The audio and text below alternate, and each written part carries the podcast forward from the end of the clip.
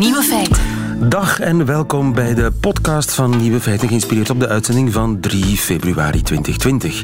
In het nieuws vandaag de merkwaardige reactie die de politie kreeg in Australië. Een reactie op een opsporingsbericht. De politie verspreidde een foto van een vrouw van 23, verdacht van diefstal. En een van de reacties kwam van de vrouw zelf. Wat een lelijke foto. Bij deze stuur ik u een recente en veel betere foto.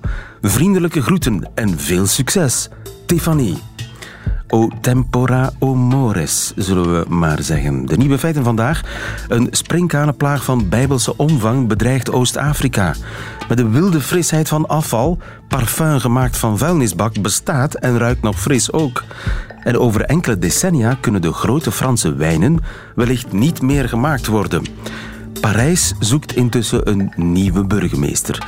De nieuwe feiten van Nico Dijkshoorn hoort u in zijn middagjournaal. Veel plezier.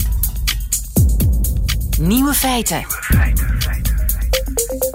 Enorme zwermen woestijnsprinkhanen trekken een spoor van verwoesting door Oost-Afrika. De landbouworganisatie van de VN die slaat alarm, want de voedselvoorziening van miljoenen mensen die staat op het spel. Helene Verlinde, goedemiddag. Goedemiddag. U bent van het eh, departement Biologie van de Universiteit van Leuven. Het zijn echt zwermen van bijbelse proporties, hè? Ja, dit is uh, nog niet te veel eerder gezien dat ze zo uh, ernstig zijn. En hoe groot kan zo'n zwerm zijn? Ja, die, die beslaat meerdere landen, grote delen van um, Afrika nu. Um, tot 14 landen nu en zelfs tot de Indo-Pakistaanse grens in Azië. In Kenia zou er onlangs een zwerm gezien zijn van 40 bij 60 kilometer. Ja, en per vierkante kilometer zijn dat tot 80 miljoen individuen. Dus de impact daarvan is enorm. Die kunnen zich ook enorm snel verplaatsen. Hè. Dus een paar honderden kilometers per dag. Waardoor dat die um, zeer moeilijk te bestrijden zijn. Die vliegen ook, hè? die springen niet. Die springkanen die vliegen. Ja, in het uh, volwassen stadium kunnen die vliegen. En het is als ze volwassen zijn dat ze inderdaad uh, die grote afstanden kunnen afleggen. Um, en zo één vierkante kilometer zwerm, zeg maar. Wat eet dat? Ja. Ongeveer? Ja, dus elk, elk individu eet zijn eigen lichaamsgewicht per dag. Als u dan ziet dat er 80 miljoen individuen per vierkante kilometer kunnen zijn, dan wordt er ongeveer 120 ton voedsel per dag per vierkante kilometer um, geconsumeerd. En dat komt overeen met de hoeveelheid voedsel dat 2500 mensen uh, vier maanden kan voeden. Dus die impact daarvan is heel groot. Dat is gigantisch, hè? Die vreten gewoon uh, heel de streken kaal. Ja, dus het is niet alleen het voedsel dat de mensen zelf eten, maar ook um, bomen worden helemaal leeggevreten en ja, ook de vee, het vee wordt hier zwaar door aangetast. Maar hoe ontstaat zo'n zwerm? Waarom, waarom zien we die vandaag in Afrika? Meestal zal een springkaan, hè, normaal, hè, zelfs die woestijnspringkanen leven meestal alleen, want een woestijn kan geen grote populaties ondersteunen. Als er ergens echter een periode is met meer regenval, gaat er meer vegetatie zijn en dan gaat die populatie enorm toenemen. Op zich is het nog geen probleem, maar als er na zo'n periode met veel regenval een droge periode is, gaan al die springkanen zich verzamelen op overgebleven vegetatie. En het is op die moment dat je lokaal heel hoge populatiedensiteiten krijgt en dat die springkanen een extreme metamorfose ondergaan, een fasetransitie noemt dat in dit geval, naar de trekkende vorm. Dus die vorm die die grote zwermen kan uh, veroorzaken. Het is dus een diersoort die van aard verandert naar gelang de omstandigheden. Ja, dat is zelfs zo dat de woestijnspringkaan de meest extreme vorm van Um, ja, ze noemen dat fenotypische plasticiteit, hè, dus van het veranderen van uiterlijk gedrag um, naar gelang de milieuomstandigheden. Dus zijn omgevingsfactoren die die verandering uh, veroorzaken. Ah ja, dus als het, als het niet de juiste omstandigheden zijn, worden het geen zwermen? Nee. Dan blijven ze solitair dan... en ongevaarlijk eigenlijk? Ja, dan blijven ze solitair en ongevaarlijk. En dat is ook hoe dat woestijnspringkanen meestal worden tegengekomen. Hè. Ja, ja. Um, en als de omstandigheden juist zijn, de vochtigheid voldoende is, dan gaan ze gigantisch vermenigvuldigen en zwermen worden en beginnen vliegen. Het is een sequentie van gebeurtenissen. Het is de afwisseling van die hè, vochtigere periodes, drogere periodes, dat die transities gaat veroorzaken. En het is inderdaad zo dat hè, momenteel het milieu hè, is onstabieler en dan gaat er eerder zwermen ontstaan. Dus waar er vroeger enkele, ja, elke 10, 20, zelfs 30 jaar een zwerm ontstond, zien we nu dat dat elke twee, drie jaar wel een heel grote zwerm ontstaat. En dat heeft te maken met klimaatverandering? Ja, we zien inderdaad dat we nu extremere klimaatomstandigheden hebben en dat werkt de vorming van deze zwermen in de hand. Dus we verwachten inderdaad dat dat in de toekomst er niet op gaat vooruitgaan. Ja, de schade is natuurlijk gigantisch. Uh, kunnen ze hongersnoden veroorzaken? Ja, absoluut. En zeker uh, ja, zwermen van deze grootte, dat gaat sowieso hongersnood veroorzaken. Um, ja, afhankelijk van de internationale hulp. Um, dus zelfs zo dat de lange termijn socio-economische impact uh, ook onderzocht is. En die is ook gigantisch. Dus het zijn niet alleen landbouwgezinnen die betrokken zijn, maar de algemene voedselprijs gaat enorm omhoog. Uh, we zien dat alle huishoudens hierdoor eigenlijk ja. aangetast worden. Um, het is ook gekeken... angstaanjagend om te zien, hè? Het is echt een wolk. Ja, je kan... Uh, ja. Heeft u ze ooit gezien in zo'n zwerm? Ik heb nooit een zwerm in levende lijven gezien. Nee. Maar als je de beelden ziet, het is werkelijk uh, het, het is een nachtmerrie. Ja, absoluut. Uh, ja. Nu, insecticiden sproeien, is dat een goed idee? Het is momenteel het enigste wat helpt hiervoor. En ze moeten absoluut bestreden worden, want zo'n zwermen kunnen anders jaren blijven rondgaan. Dus de enigste methode nu is inderdaad met een vliegtuig over zo'n zwermen spuiten. Uh, lokale boer kan niets doen, want als hij zijn veld besproeit, uh, die springkaan eten dat op, sterven pas een paar dagen later, maar ondertussen is zijn oogst al volledig weg. Ja.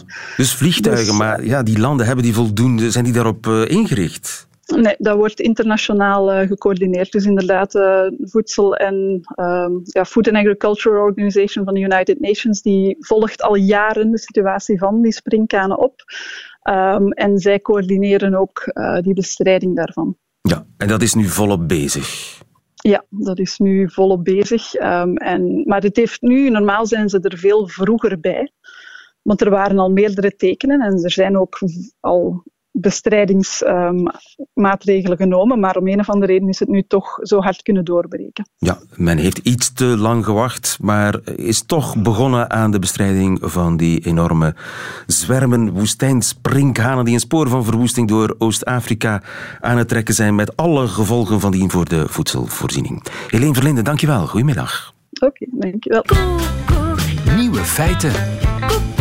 Coucou de France met Alex Visorek. Wat zou er intussen toch aan de hand zijn in Parijs? Wel, iemand die het weet is natuurlijk onze landgenoot en mijn collega bij France Inter, Alex Visorek. Goedemiddag, Alex. Goedemiddag. Ik weet hier alles, meneer Lieven. Uh, en we zijn, uh, u weet het, in 2020 en dat is een belangrijk jaar in Frankrijk. Het is het jaar van de municipal, les municipales, de lokale verkiezingen. In maart zullen de Fransen een nieuwe burgemeester of maire En in geen andere stad is de strijd spannender dan in Parijs.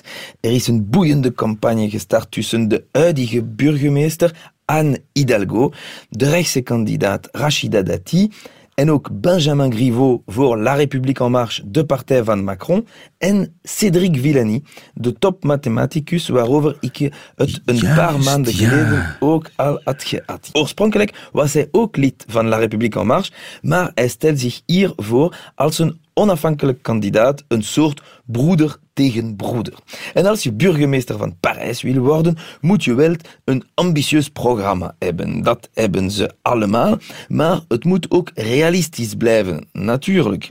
Niet zeker dat ze dat wel begrepen hebben, want deze kandidaten hebben vorige week wat nieuwe voorstellingen gelanceerd die voor heel wat verbazing hebben gezorgd. Bijvoorbeeld Benjamin Griveaux. Een paar maanden geleden zei hij, als ik burgemeester word, zal ik alle werken in Parijs op pauze zetten tot eind 2020. Maar hij is van mening veranderd, want hij heeft nu een groot plan, hier beschreven door een Franse opiniemaker. Déplaçons la gare de l'Est pour créer un central park à la française. Mais, mais, mais pourquoi pas Oké, okay, het station verhuizen. om een soort Frans Central Park te bouwen. Le Gare de l'Est, weg ermee. ja, pourquoi pas, zegt die mens. Uh, het station is te klein, maar in plaats van dat uit te breiden, zou hij het station verhuizen naar de rand van Parijs en de 30 hectares van sporen gebruiken om een groen park te bouwen. Hij maakte dat bekend in een meeting en aan de uitgang van de zaal waren de militanten verdeeld. Mais bien sûr, c'est formidable. Enfin, les, les gares, c'est le milieu du 19e siècle. Là, on a besoin de, de verdure, on a besoin d'être vert. Moi, je trouve ça totalement débile. Et sur le plan de la communication, vraiment affreux. Quoi. Débile, affreux, formidable. Dat is het eigenlijk. Totaal belachelijk, zegt ze. Een communistische kandidaat beschreef de situatie op deze kleurlijke manier. C'est une élection municipale, c'est sérieux. On parle de la capitale de la France, c'est pas la fête du slip. C'est pas la fête du slip. Wat is een, een fête du slip? Ja. Een onderbroekenfeestje. Ja, uh, zo is het te vertalen. Onderbroekenfeestje. Dat is een Franse uitdrukking om een rommelige amateuristische situatie te beschrijven. En op Twitter is er ook hard gelachen met dat voorstel. Waarom niet het Elysée verhuizen om een circus te bouwen? Zouden we geen windmolen van de Eiffeltoren kunnen maken? Pourquoi pas? Pourquoi pas? Als je la Gare de l'Est meer naar het oosten verplaatst, waarom dan niet het Parijse station Gare de Lyon in de stad Lyon zetten, dan is de reis ook korter. Voilà. Of uh, zwartere humor. Uh, waarom geen park maken in plaats van Notre-Dame? Het is sowieso half kapot. Mensen hebben vooral kritiek op hoe onrealistisch dat allemaal is. Uh, je zou een station kapot maken om daar een park te bouwen en ondertussen een nieuwe station bouwen waar er nu een park al ligt. Maar Griveau is niet de enige met plannen om een hele station te verhuizen. On a constaté que les voies Thalys et Eurostar occupaient un tiers de l'espace ferroviaire de la gare du Nord. Et donc la proposition de Cédric Villani, très concrètement, c'est de déplacer le trafic international depuis la gare du Nord vers la gare Saint-Denis-Pleyel. Cédric Villani wil het Noordstation van Parijs verhuizen ook. Met de Thalys uit Brussel zou je dan niet meer in het centrum aankomen, maar uh, net buiten Parijs in een nieuw station dat nog gebouwd moet worden. Voilà, soms beloven politici om bergen te verzetten, maar in Parijs gaat het vooral om stations. Uh, je hebt het begrepen, mobiliteit is een belangrijk thema van uh, deze verkiezingen en het is ook al het thema van de huidige burgemeester Anne Hidalgo. Uh, neem maar een taxi in Parijs. De chauffeur zal zeker de hele reis klagen over Anne Hidalgo. Waarom? Onder andere wegens les voies de berge, de echte wegens. Hidalgo heeft wegens...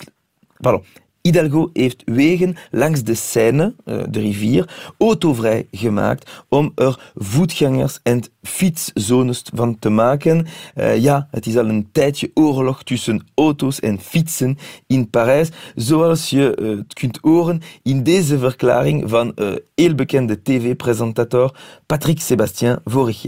Je supporte pas la mer de Paris. Ah, je dis qu'elle a fermé les quais, histoire d'emmerder 5000 mecs qui vont bosser pour faire plaisir à trois connards en vélib qui vont se promener. Oula, Patrick Sebastien, hij wordt al een dagje ouder natuurlijk. Hè. Ja, uh, Anne Hidalgo heeft de kaders gesloten en 5000 mensen die naar hun werk willen gepest, zodat trois connards op de fiets een wandeling kunnen maken. U zal connard vertalen, uh, meneer Lieven. Geen vriendelijke verklaring dus, uh, zoals je hoort. Maar heeft Anne Hidalgo realistische ideeën, realistischer ideeën dan Griveau en Villani om de mobiliteit in Parijs te verbeteren? Luister naar haar grote aankondiging. D'ici 2024, 100% des rues de la capitale seront cyclables. Voilà, 100% van de wegen van de hoofdstad zullen met de fiets bereidbaar zijn. Ja, als ze herkozen wordt, zou ze binnen vier jaar fietspaden op 100% van de wegen van Parijs. Uh, dus in de laatste zes jaar heeft ze niet meer dan 300 kilometer nieuwe fietspaden aangelegd. En nu, op vier jaar, zou ze het plots in elke straat in Parijs kunnen doen. Voilà, de strijd voor het burgemeesterschap in Parijs is nu officieel gestart en de kandidaten hebben al veel, veel ideeën. Dat wordt gegarandeerd nog een paar weken entertainment. En daar zijn we heel blij mee. Dankjewel in Parijs voor ons. Alex Visorek, goedemiddag. Tot volgende week. Tot volgende week.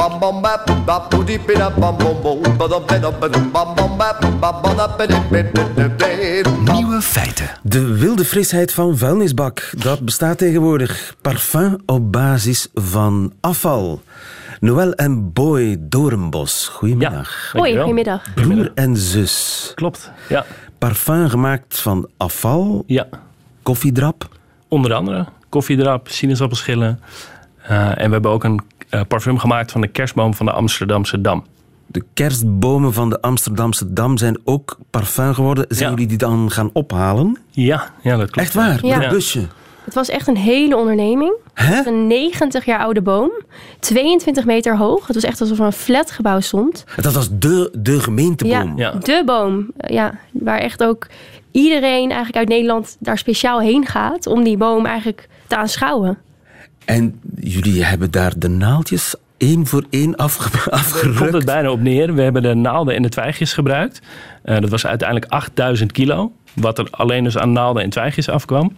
En dat is in de destillatieketel gegaan. En daar hebben we dus de olie uit die Noordmanspar gehaald.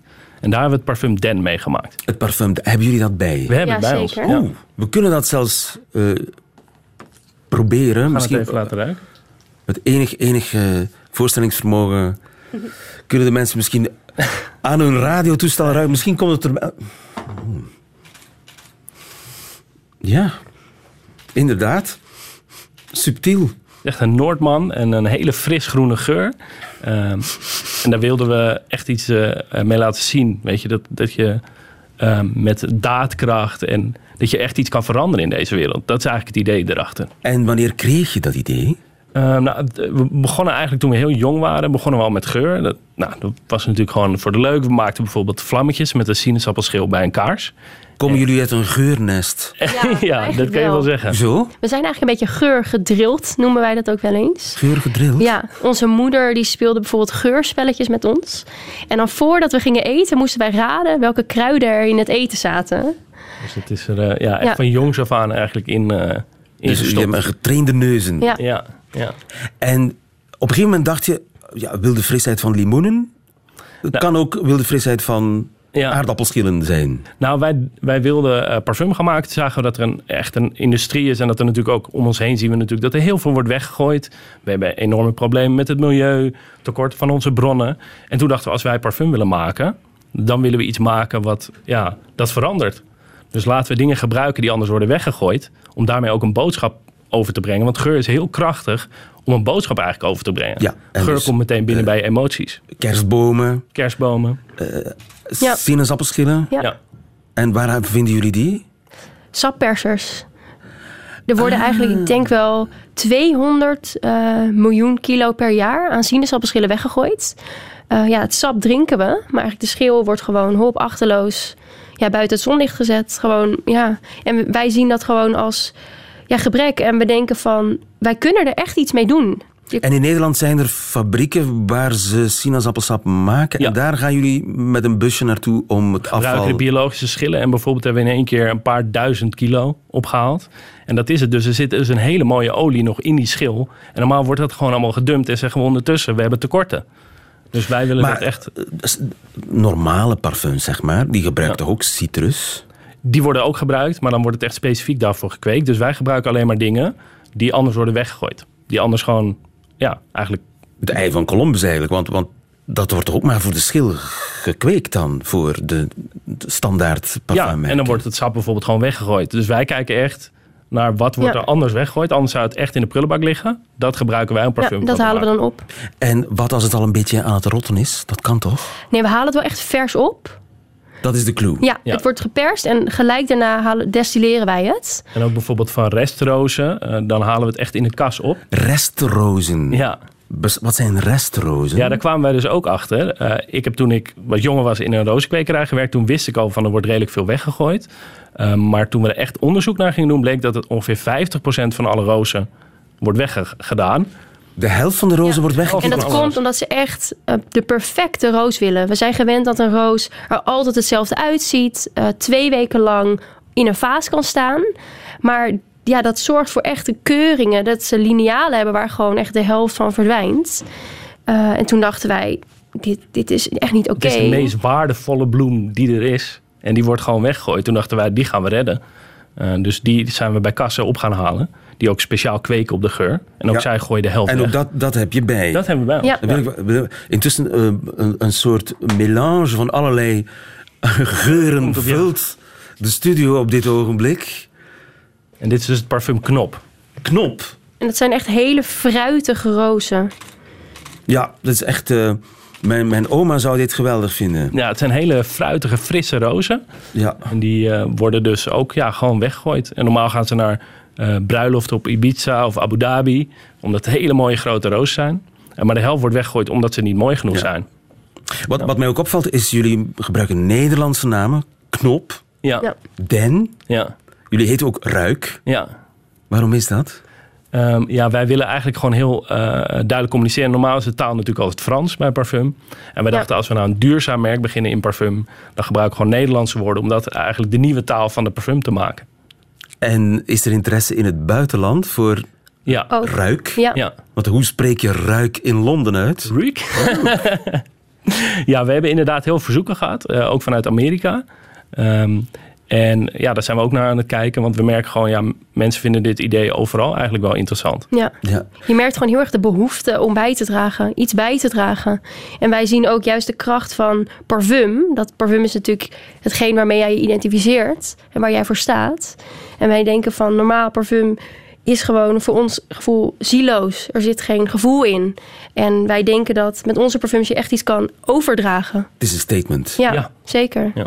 Uh, aardappelschillen, kun je die gebruiken? Uh, je, kan de, je zou de aardappelbloem kunnen gebruiken. Die wordt ook heel veel weggegooid. Uh, maar dat, ja, er zijn heel veel dingen die je zou kunnen gebruiken. Waar dromen ja. jullie nog van? Ja. Wij kijken wel echt naar wanneer een idee echt rijp ervoor is. En we zoeken vooral naar grote reststromen. Waarvan we ook kunnen denken, daar kunnen we gewoon enorm veel mee van redden. Bijvoorbeeld ons koffieparfum. Nou, dat is de grootste afvalstroom in... Uh, ja, ah, ja natuurlijk. Ja. En staat er dan op het flesje met extracten van koffiedrap? Nou, dat, uh, het is wel bekend. We zetten het op de website erbij waar het van gemaakt is. Ja. ja. Op de, uh, op de website, maar op het flesje staat... staat ook bij waar het oh, van ja. gemaakt ja, is. Zeker. Ja, zeker. Hebben jullie dat bij? Want we hebben zet. Ik denk, ko ko koffieparfum moet... Ik, ik, moet het ruiken. Niks ruikt lekkerder toch dan, dan koffie. Ja. Koffie. Ik denk ook uh, hooi, gras, ja, zijn ook dingen. gras. Ja. ja, dat is verrek. Verrek. Heerlijk. Dat is parfum Z. Z. Z. Ja. Oké. Okay. Z koffie. Zoiets. Ja. Maar waar dromen jullie nog van? Uh, het maakt mij wel nieuwsgierig. Wat, wat zou nog de ultieme droom zijn? Nou, we hebben nu dus echt gekeken naar dingen die heel veel worden weggegooid. Kerstbomen is natuurlijk ook iets wat elk jaar terugkomt. Uh, de rozenafval, sinaasappelschillen. Het zijn allemaal hele grote reststromen. Ja. Dus dat is het eerste waar we naar kijken. Uh, maar wie weet dat we ooit in de toekomst... Ja, als we weer iets nieuws tegenkomen van... hé, hey, er wordt heel veel weggegooid. Dat we daar een parfum van en gaan maken. wij geloven ook in dat je ook moet kijken naar wat je zelf hebt. Ja. En ons nieuwste parfum is Hoop. Uh, en hoop, dat staat eigenlijk voor geloof, vertrouwen en kijk naar wat je al hebt, wat er al is. Want er is genoeg schoonheid waar we eigenlijk iets mee kunnen doen. Ja, en dus waar is hoop van gemaakt? Eigenlijk is het een mengsel van alles. Een mengsel van ja. alles? Ja. De hele GFT-bak? Nou, wij, alle afvalstromen die we al hadden, die hebben we dus gemengd. Want we dachten, okay. kijk, we moeten ook kijken naar wat we zelf al hebben. Kunnen we daar nog iets nieuws van maken? En dat is het parfum Hoop geworden. Mag ik jullie heel veel succes wensen. Dankjewel, Noel, uh, Noëlle en uh, Boy Dorenbos, broer en yes. zus van uh, het. En ik heb, oh, ik heb hier nog. Ah ja, dit is hoop. Dit is hoop. Dit is mengsel van alles. Van ja. alles. alles. Ja. En voor de kijk, of voor de luisteraar eigenlijk wel leuk. We zijn vandaag live gegaan met onze Belgische website, onze voor Vlaanderen speciaal, dus ruik.be. Kijk eens aan. Dankjewel. Veel succes met Ruik. Dankjewel. Dankjewel.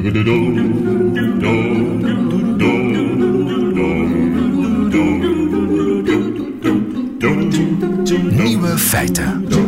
De kans is groot dat peperdure, wereldberoemde wijnen zoals Chateau Margaux of Lafite Rothschild, dat die op termijn gaan verdwijnen. Jawel, zo tegen eind deze eeuw schatten wetenschappers. Frank van der Auwera, goedemiddag. Goedemiddag. Onze wijnman. Ja, er is een grote internationale studie gemaakt over de gevolgen van de klimaatverhitting op de wijnbouw. En dus onder meer die hele dure Bordeaux's, Margaux en zo. Die zouden over enkele decennia niet meer gemaakt kunnen worden. Technisch. Hoe zit dat? Waarom kunnen die niet meer gemaakt worden? Laten we zeggen, ze zouden ofwel uh, niet meer kunnen gemaakt worden, of ze zouden van karakter kunnen veranderen. Dat is eigenlijk een beetje de conclusie die eh, getrokken wordt uit dat groot onderzoek. Namelijk, er zijn twee uh, wetenschapsgroepen. Hè, eentje in Alcala, Spanje, de Universiteit van, Spanje, van Alcala, en de tweede van British Columbia in Vancouver.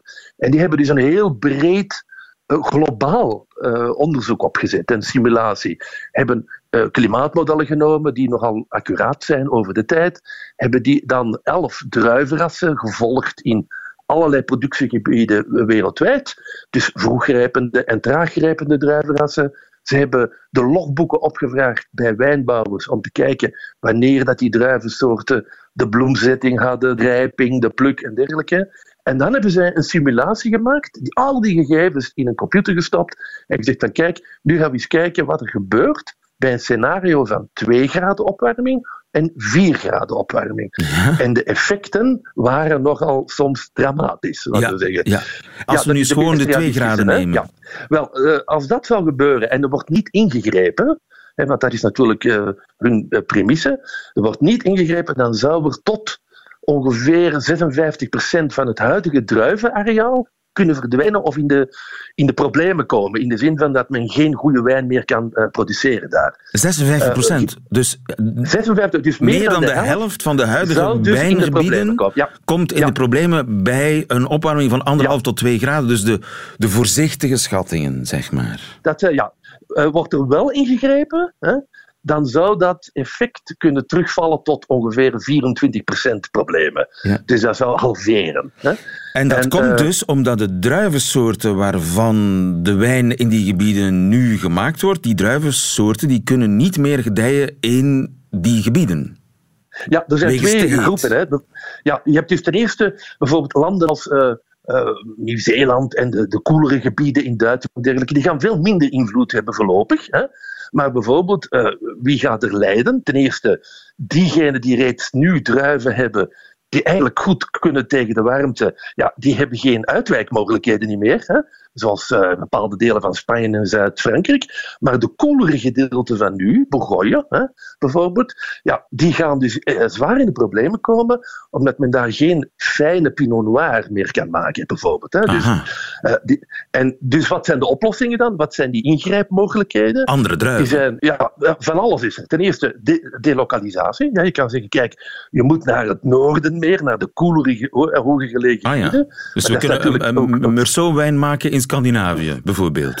Uh, ja, dat is een oplossing, maar dus, ja, ja. Uh, dan heb je ook het probleem van terroir. En niet iedereen kan zomaar eventjes uh, vluchten ja. naar een hoger gelegen gebied. Hè, dat is het eerste. Het tweede is dat men gaat zeggen, kijk, we gaan druivenrassen die wel goed tegen de warmte kunnen, ook stilaan introduceren in die gebieden. Bijvoorbeeld Pinot Noir, hè, de, de, voor de, de rode Bourgognes, zou dan gezelschap kunnen krijgen van Mourvèdre uit, ja, uit het zuiden. Maar dat blijft toch niet zonder gevolgen ja. voor de smaak? Uh, nou, absoluut de druivensoort is toch de wijn? Ja, de discussie hè, gaat daar al over. Welk percentage, hoe traag gaat, hè, gaat die introductie gebeuren? Wat betekent dat voor de smaak? Hè? Uh, het product zal dat toch wel van karakter veranderen. En uh, ja, men, de, de, de uh, laten we zeggen, iedereen die nu werkt met Pinot Noir, die kan daarom niet zomaar met Mourvèdre werken. Hè. Ik bedoel, ja. men moet dat ook die kennis hebben. En dan zijn er nog andere mogelijkheden natuurlijk. Dat zijn nieuwe druivenrassen en daar is men ook volop mee bezig. Creatie van ja. nieuwe druivensoorten ja, die beter tegen de opwarming nieuwe kunnen. klonen ja. die beter kunnen tegen die hitte, beter met droogteperiodes kunnen omgaan en dergelijke. Ja. Dat is ook een oplossing. En dan heb je nog andere dingen die nu ook al gebeuren. Namelijk bijvoorbeeld, men begint s'nachts te plukken om die fraîcheur te houden. Men gaat het bladerdek langer laten uh, hangen, zodat de, de zon niet op die druiven bezig. kan dat is nu volop bezig. En ook bijvoorbeeld uh, irrigatie. Die discussie is volop bezig. Nu is dat in sommige gebieden nog taboe. Maar men zal irrigatie moeten toelaten om uh, die druiven toch een beetje uh, water te geven in bepaalde periodes. En proef je dat nu aan de fles? Dat wil zeggen, uh, die, die, nieuwe variëteiten is men aan het ontwikkelen. Men is bezig, zoals in Bordeaux, hè, met, en in Champagne is men al volop bezig met experimenten. Of gaat men beginnen om te kijken, kunnen wij van die resistentere beter aan het klimaat aangepaste druiven maken. Er zijn dus experimenten die binnen de tien jaar resultaat moeten geven. Maar het is altijd nog een leerproces. Het, het goede van dit onderzoek is dat er, al die experimenten gebeuren tot hiertoe een beetje binnenskamers. Hè? En zo'n beetje van, ach, we gaan daar niet te veel over praten, want dat kan imago schaden. Hè? Ja, ja. Stel je Straks voor, denken ze dat die... Dat, die moet verder ja, gaan kijken. ja, ja, ja, ja. hè? Het gebeurt nu eigenlijk een beetje de aan geesten- stoemelings. Ja, en nu zijn die geesten eigenlijk een beetje geopend en men zegt, kijk, we moeten er toch minstens eens over discussiëren wat de gevolgen kunnen zijn. Want een van die gevolgen is, zoals je terecht opmerkte, ja, het gevaar van smaakvervlakking. Hè? Want Mourvèdre en Grenache bijvoorbeeld introduceren in, in, en in Bourgogne en eventueel zelfs in Bordeaux, hè, Mourvèdre, ja, op de lange duur. eh, het mag ook geen gemakkelijkheidsoplossing worden dat men overal een smaakvervlakking gaat kennen en overal maar Mourvèdre, Grenache en Syrah gaat aanplanten in voor rode wijn bijvoorbeeld. Dat, Ja. eh, dat, Dat is toch het einde zijn, van, van die hele dure wijnen die het moeten hebben van de hele verfijnde, complexe melanges en ja, rijke Ja, zeggen, die hebben nog één voordeel natuurlijk. Hè. Die hebben het voordeel dat ze meestal op een goed terroir zitten, dat ze meestal kapitaalkrachtig zijn, dat ze de know-how kunnen kopen, dat ze eh, een prijsniveau hebben hè, waar ze dus inderdaad heel veel investeringen kunnen doen, eh, alles goed opvolgen en dergelijke. Dus die, die kunnen het beter en langer uitstellen. Maar al die kleine, pak nu maar die basis-Bordeaux's, hè, die duizenden, die, oh, laten we zeggen, maximum 10 euro kosten of 12 euro kosten. Die zijn ja. Die gaan natuurlijk eh, bloeden. Hè? Is het daarom ook dat de wijnen straffer worden, meer alcohol hebben tegenwoordig? Ja, alcohol is natuurlijk wel een van de, de typische verschijnselen die we al ja, toch minstens 10, 15 jaar of langer zelfs al merken. Eh, pak nu terug Begonje. Eh, een, een halve generatie geleden, of een generatie geleden, chaptaliseerde men daar vaak nog. Hè? Dus het bijsuikeren om het te lage alcoholgehalte in slechte jaren wat op te krikken. Dat is volledig bijna verdwenen. Hè? Volledig verdwenen. omdat En ook dat is de klimaatopwarming. ja, eh, laten we zeggen, toch, toch in zekere zin ja. Zal dat daar mee te maken hebben? Ik had een gesprek onlangs met een, eh, eh, de beste, een van de beste producenten in Zuid-Afrika, in Elgin, wat een van de opkomende appellaties is daar. En dat is cool, ligt aan de oceaan, ligt hoger. Daar worden ook heel veel appel en peren trouwens gekweekt. En nu, de laatste 10, 15 jaar, heeft men daar heel goede wijnen met heel veel fraîcheur, want dat is het belangrijke, hè, dat men ook fraîcheur heeft, een goede, eh, niet alleen hoog alcohol of laag alcohol, maar vooral fraîcheur. Wel, en die mensen zelfs daar hebben mij bevestigd dat ze tot de laatste jaren eh, tot twee weken vroeger eh, aan het oogsten zijn. En dat is een algemeen verschijnsel dat ik overal hoor, in eender welke regio. De oogsten worden altijd maar vroeger, wat betekent dat je natuurlijk zeker met vroegrijpende druiven volledig in het heetste seizoen terechtkomt wanneer er moet geplukt worden. Met alle problemen van, ja, je krijgt dan eh, ges- gestoofd fruit Ja. eh, en weinig aciditeit. Hè. Dus de toekomst van de wijn eh, ligt op grotere hoogte. En, en bijvoorbeeld ook in Haspengouw. Bedoel, eh, meer noordelijk. Ja, dat is een van de fenomenen. Voilà, de Belgische wijnen hebben toch al een paar jaar eh, meer kansen gekregen, eh, omdat er inderdaad eh, eh, de, de, de rijpingscyclus van de druiven hier is, zoals in de middeleeuwen trouwens, hè, waar toen de temperatuur eh, hier twee graden hoger lag, hadden wij hier ook eh, veel meer wijnbouw. Dus je ziet toch dat er eh, regelmatig eh, betere wijnen kunnen gemaakt worden, ook rode in België, omdat ja, de gemiddelde temperatuur toch eh, ook Ja. klimt. En dat maakt dat de druiven rijper kunnen worden. En zo heeft elk nadeel ook zijn, eh, zijn voordeel. Maar voor de gemiddelde wijnboer in Frankrijk ziet de toekomst er somber uit. Dankjewel, Frank van Rauwera. Goedemiddag. Dag. Radio 1. Dat waren ze, de nieuwe feiten van 3 februari. Alleen nog die van Nico Dijkshoorn krijgt u in zijn middagjournaal. Nieuwe feiten. Middagjournaal. Beste luisteraars, gisteren zat ik in de bus en ik keek naar mijn sokken. Ik schrok. Mijn sokken pasten precies bij mijn trui. Daarna keek ik naar mijn mannentas. Die had ook precies dezelfde kleur, een soort van licht roze. Maar dan niet roze dat je denkt dat ik van het Songfestival houd. Ik schrok omdat ik geen kant meer op kon. De bus reed door en ik zat op een plek waar iedere instappende passagier mij heel goed kon zien. En weer schrok ik. De mensen, die zouden toch niet denken dat ik expres op die plek was gaan zitten? Om ze te laten zien dat ik mijn sokken heel mooi kan afstemmen op mijn trui, of mijn tas, of misschien nog veel erger, dat ik alles om mijn sokken heen kocht. Dat die mensen zouden denken: ja, Nico, in China, daar sterven ze op straat. En meneer die staat in zijn inloopkast ochtends naar de juiste kleur sokken te zoeken. Dat was alweer een zorg erbij trouwens, dat ze zouden denken dat ik een inloopkast had.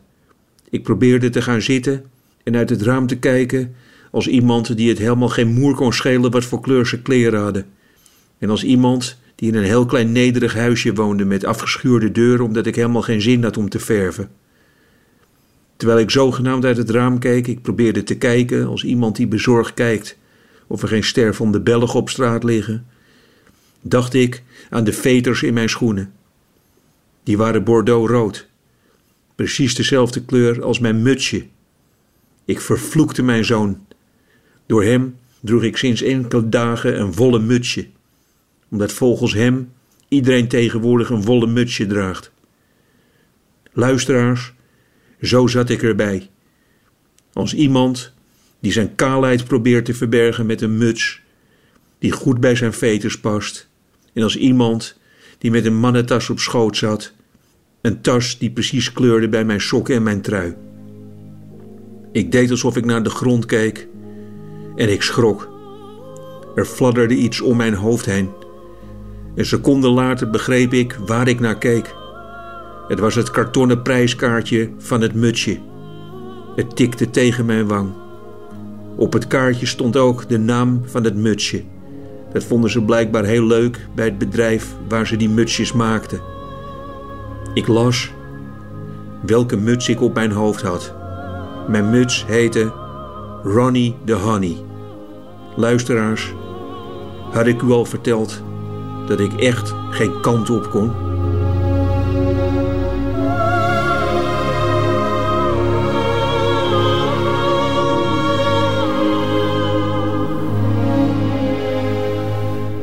Zitten op de bus en heb meelij. Nico Dijkshoorn in het Middagjournaal.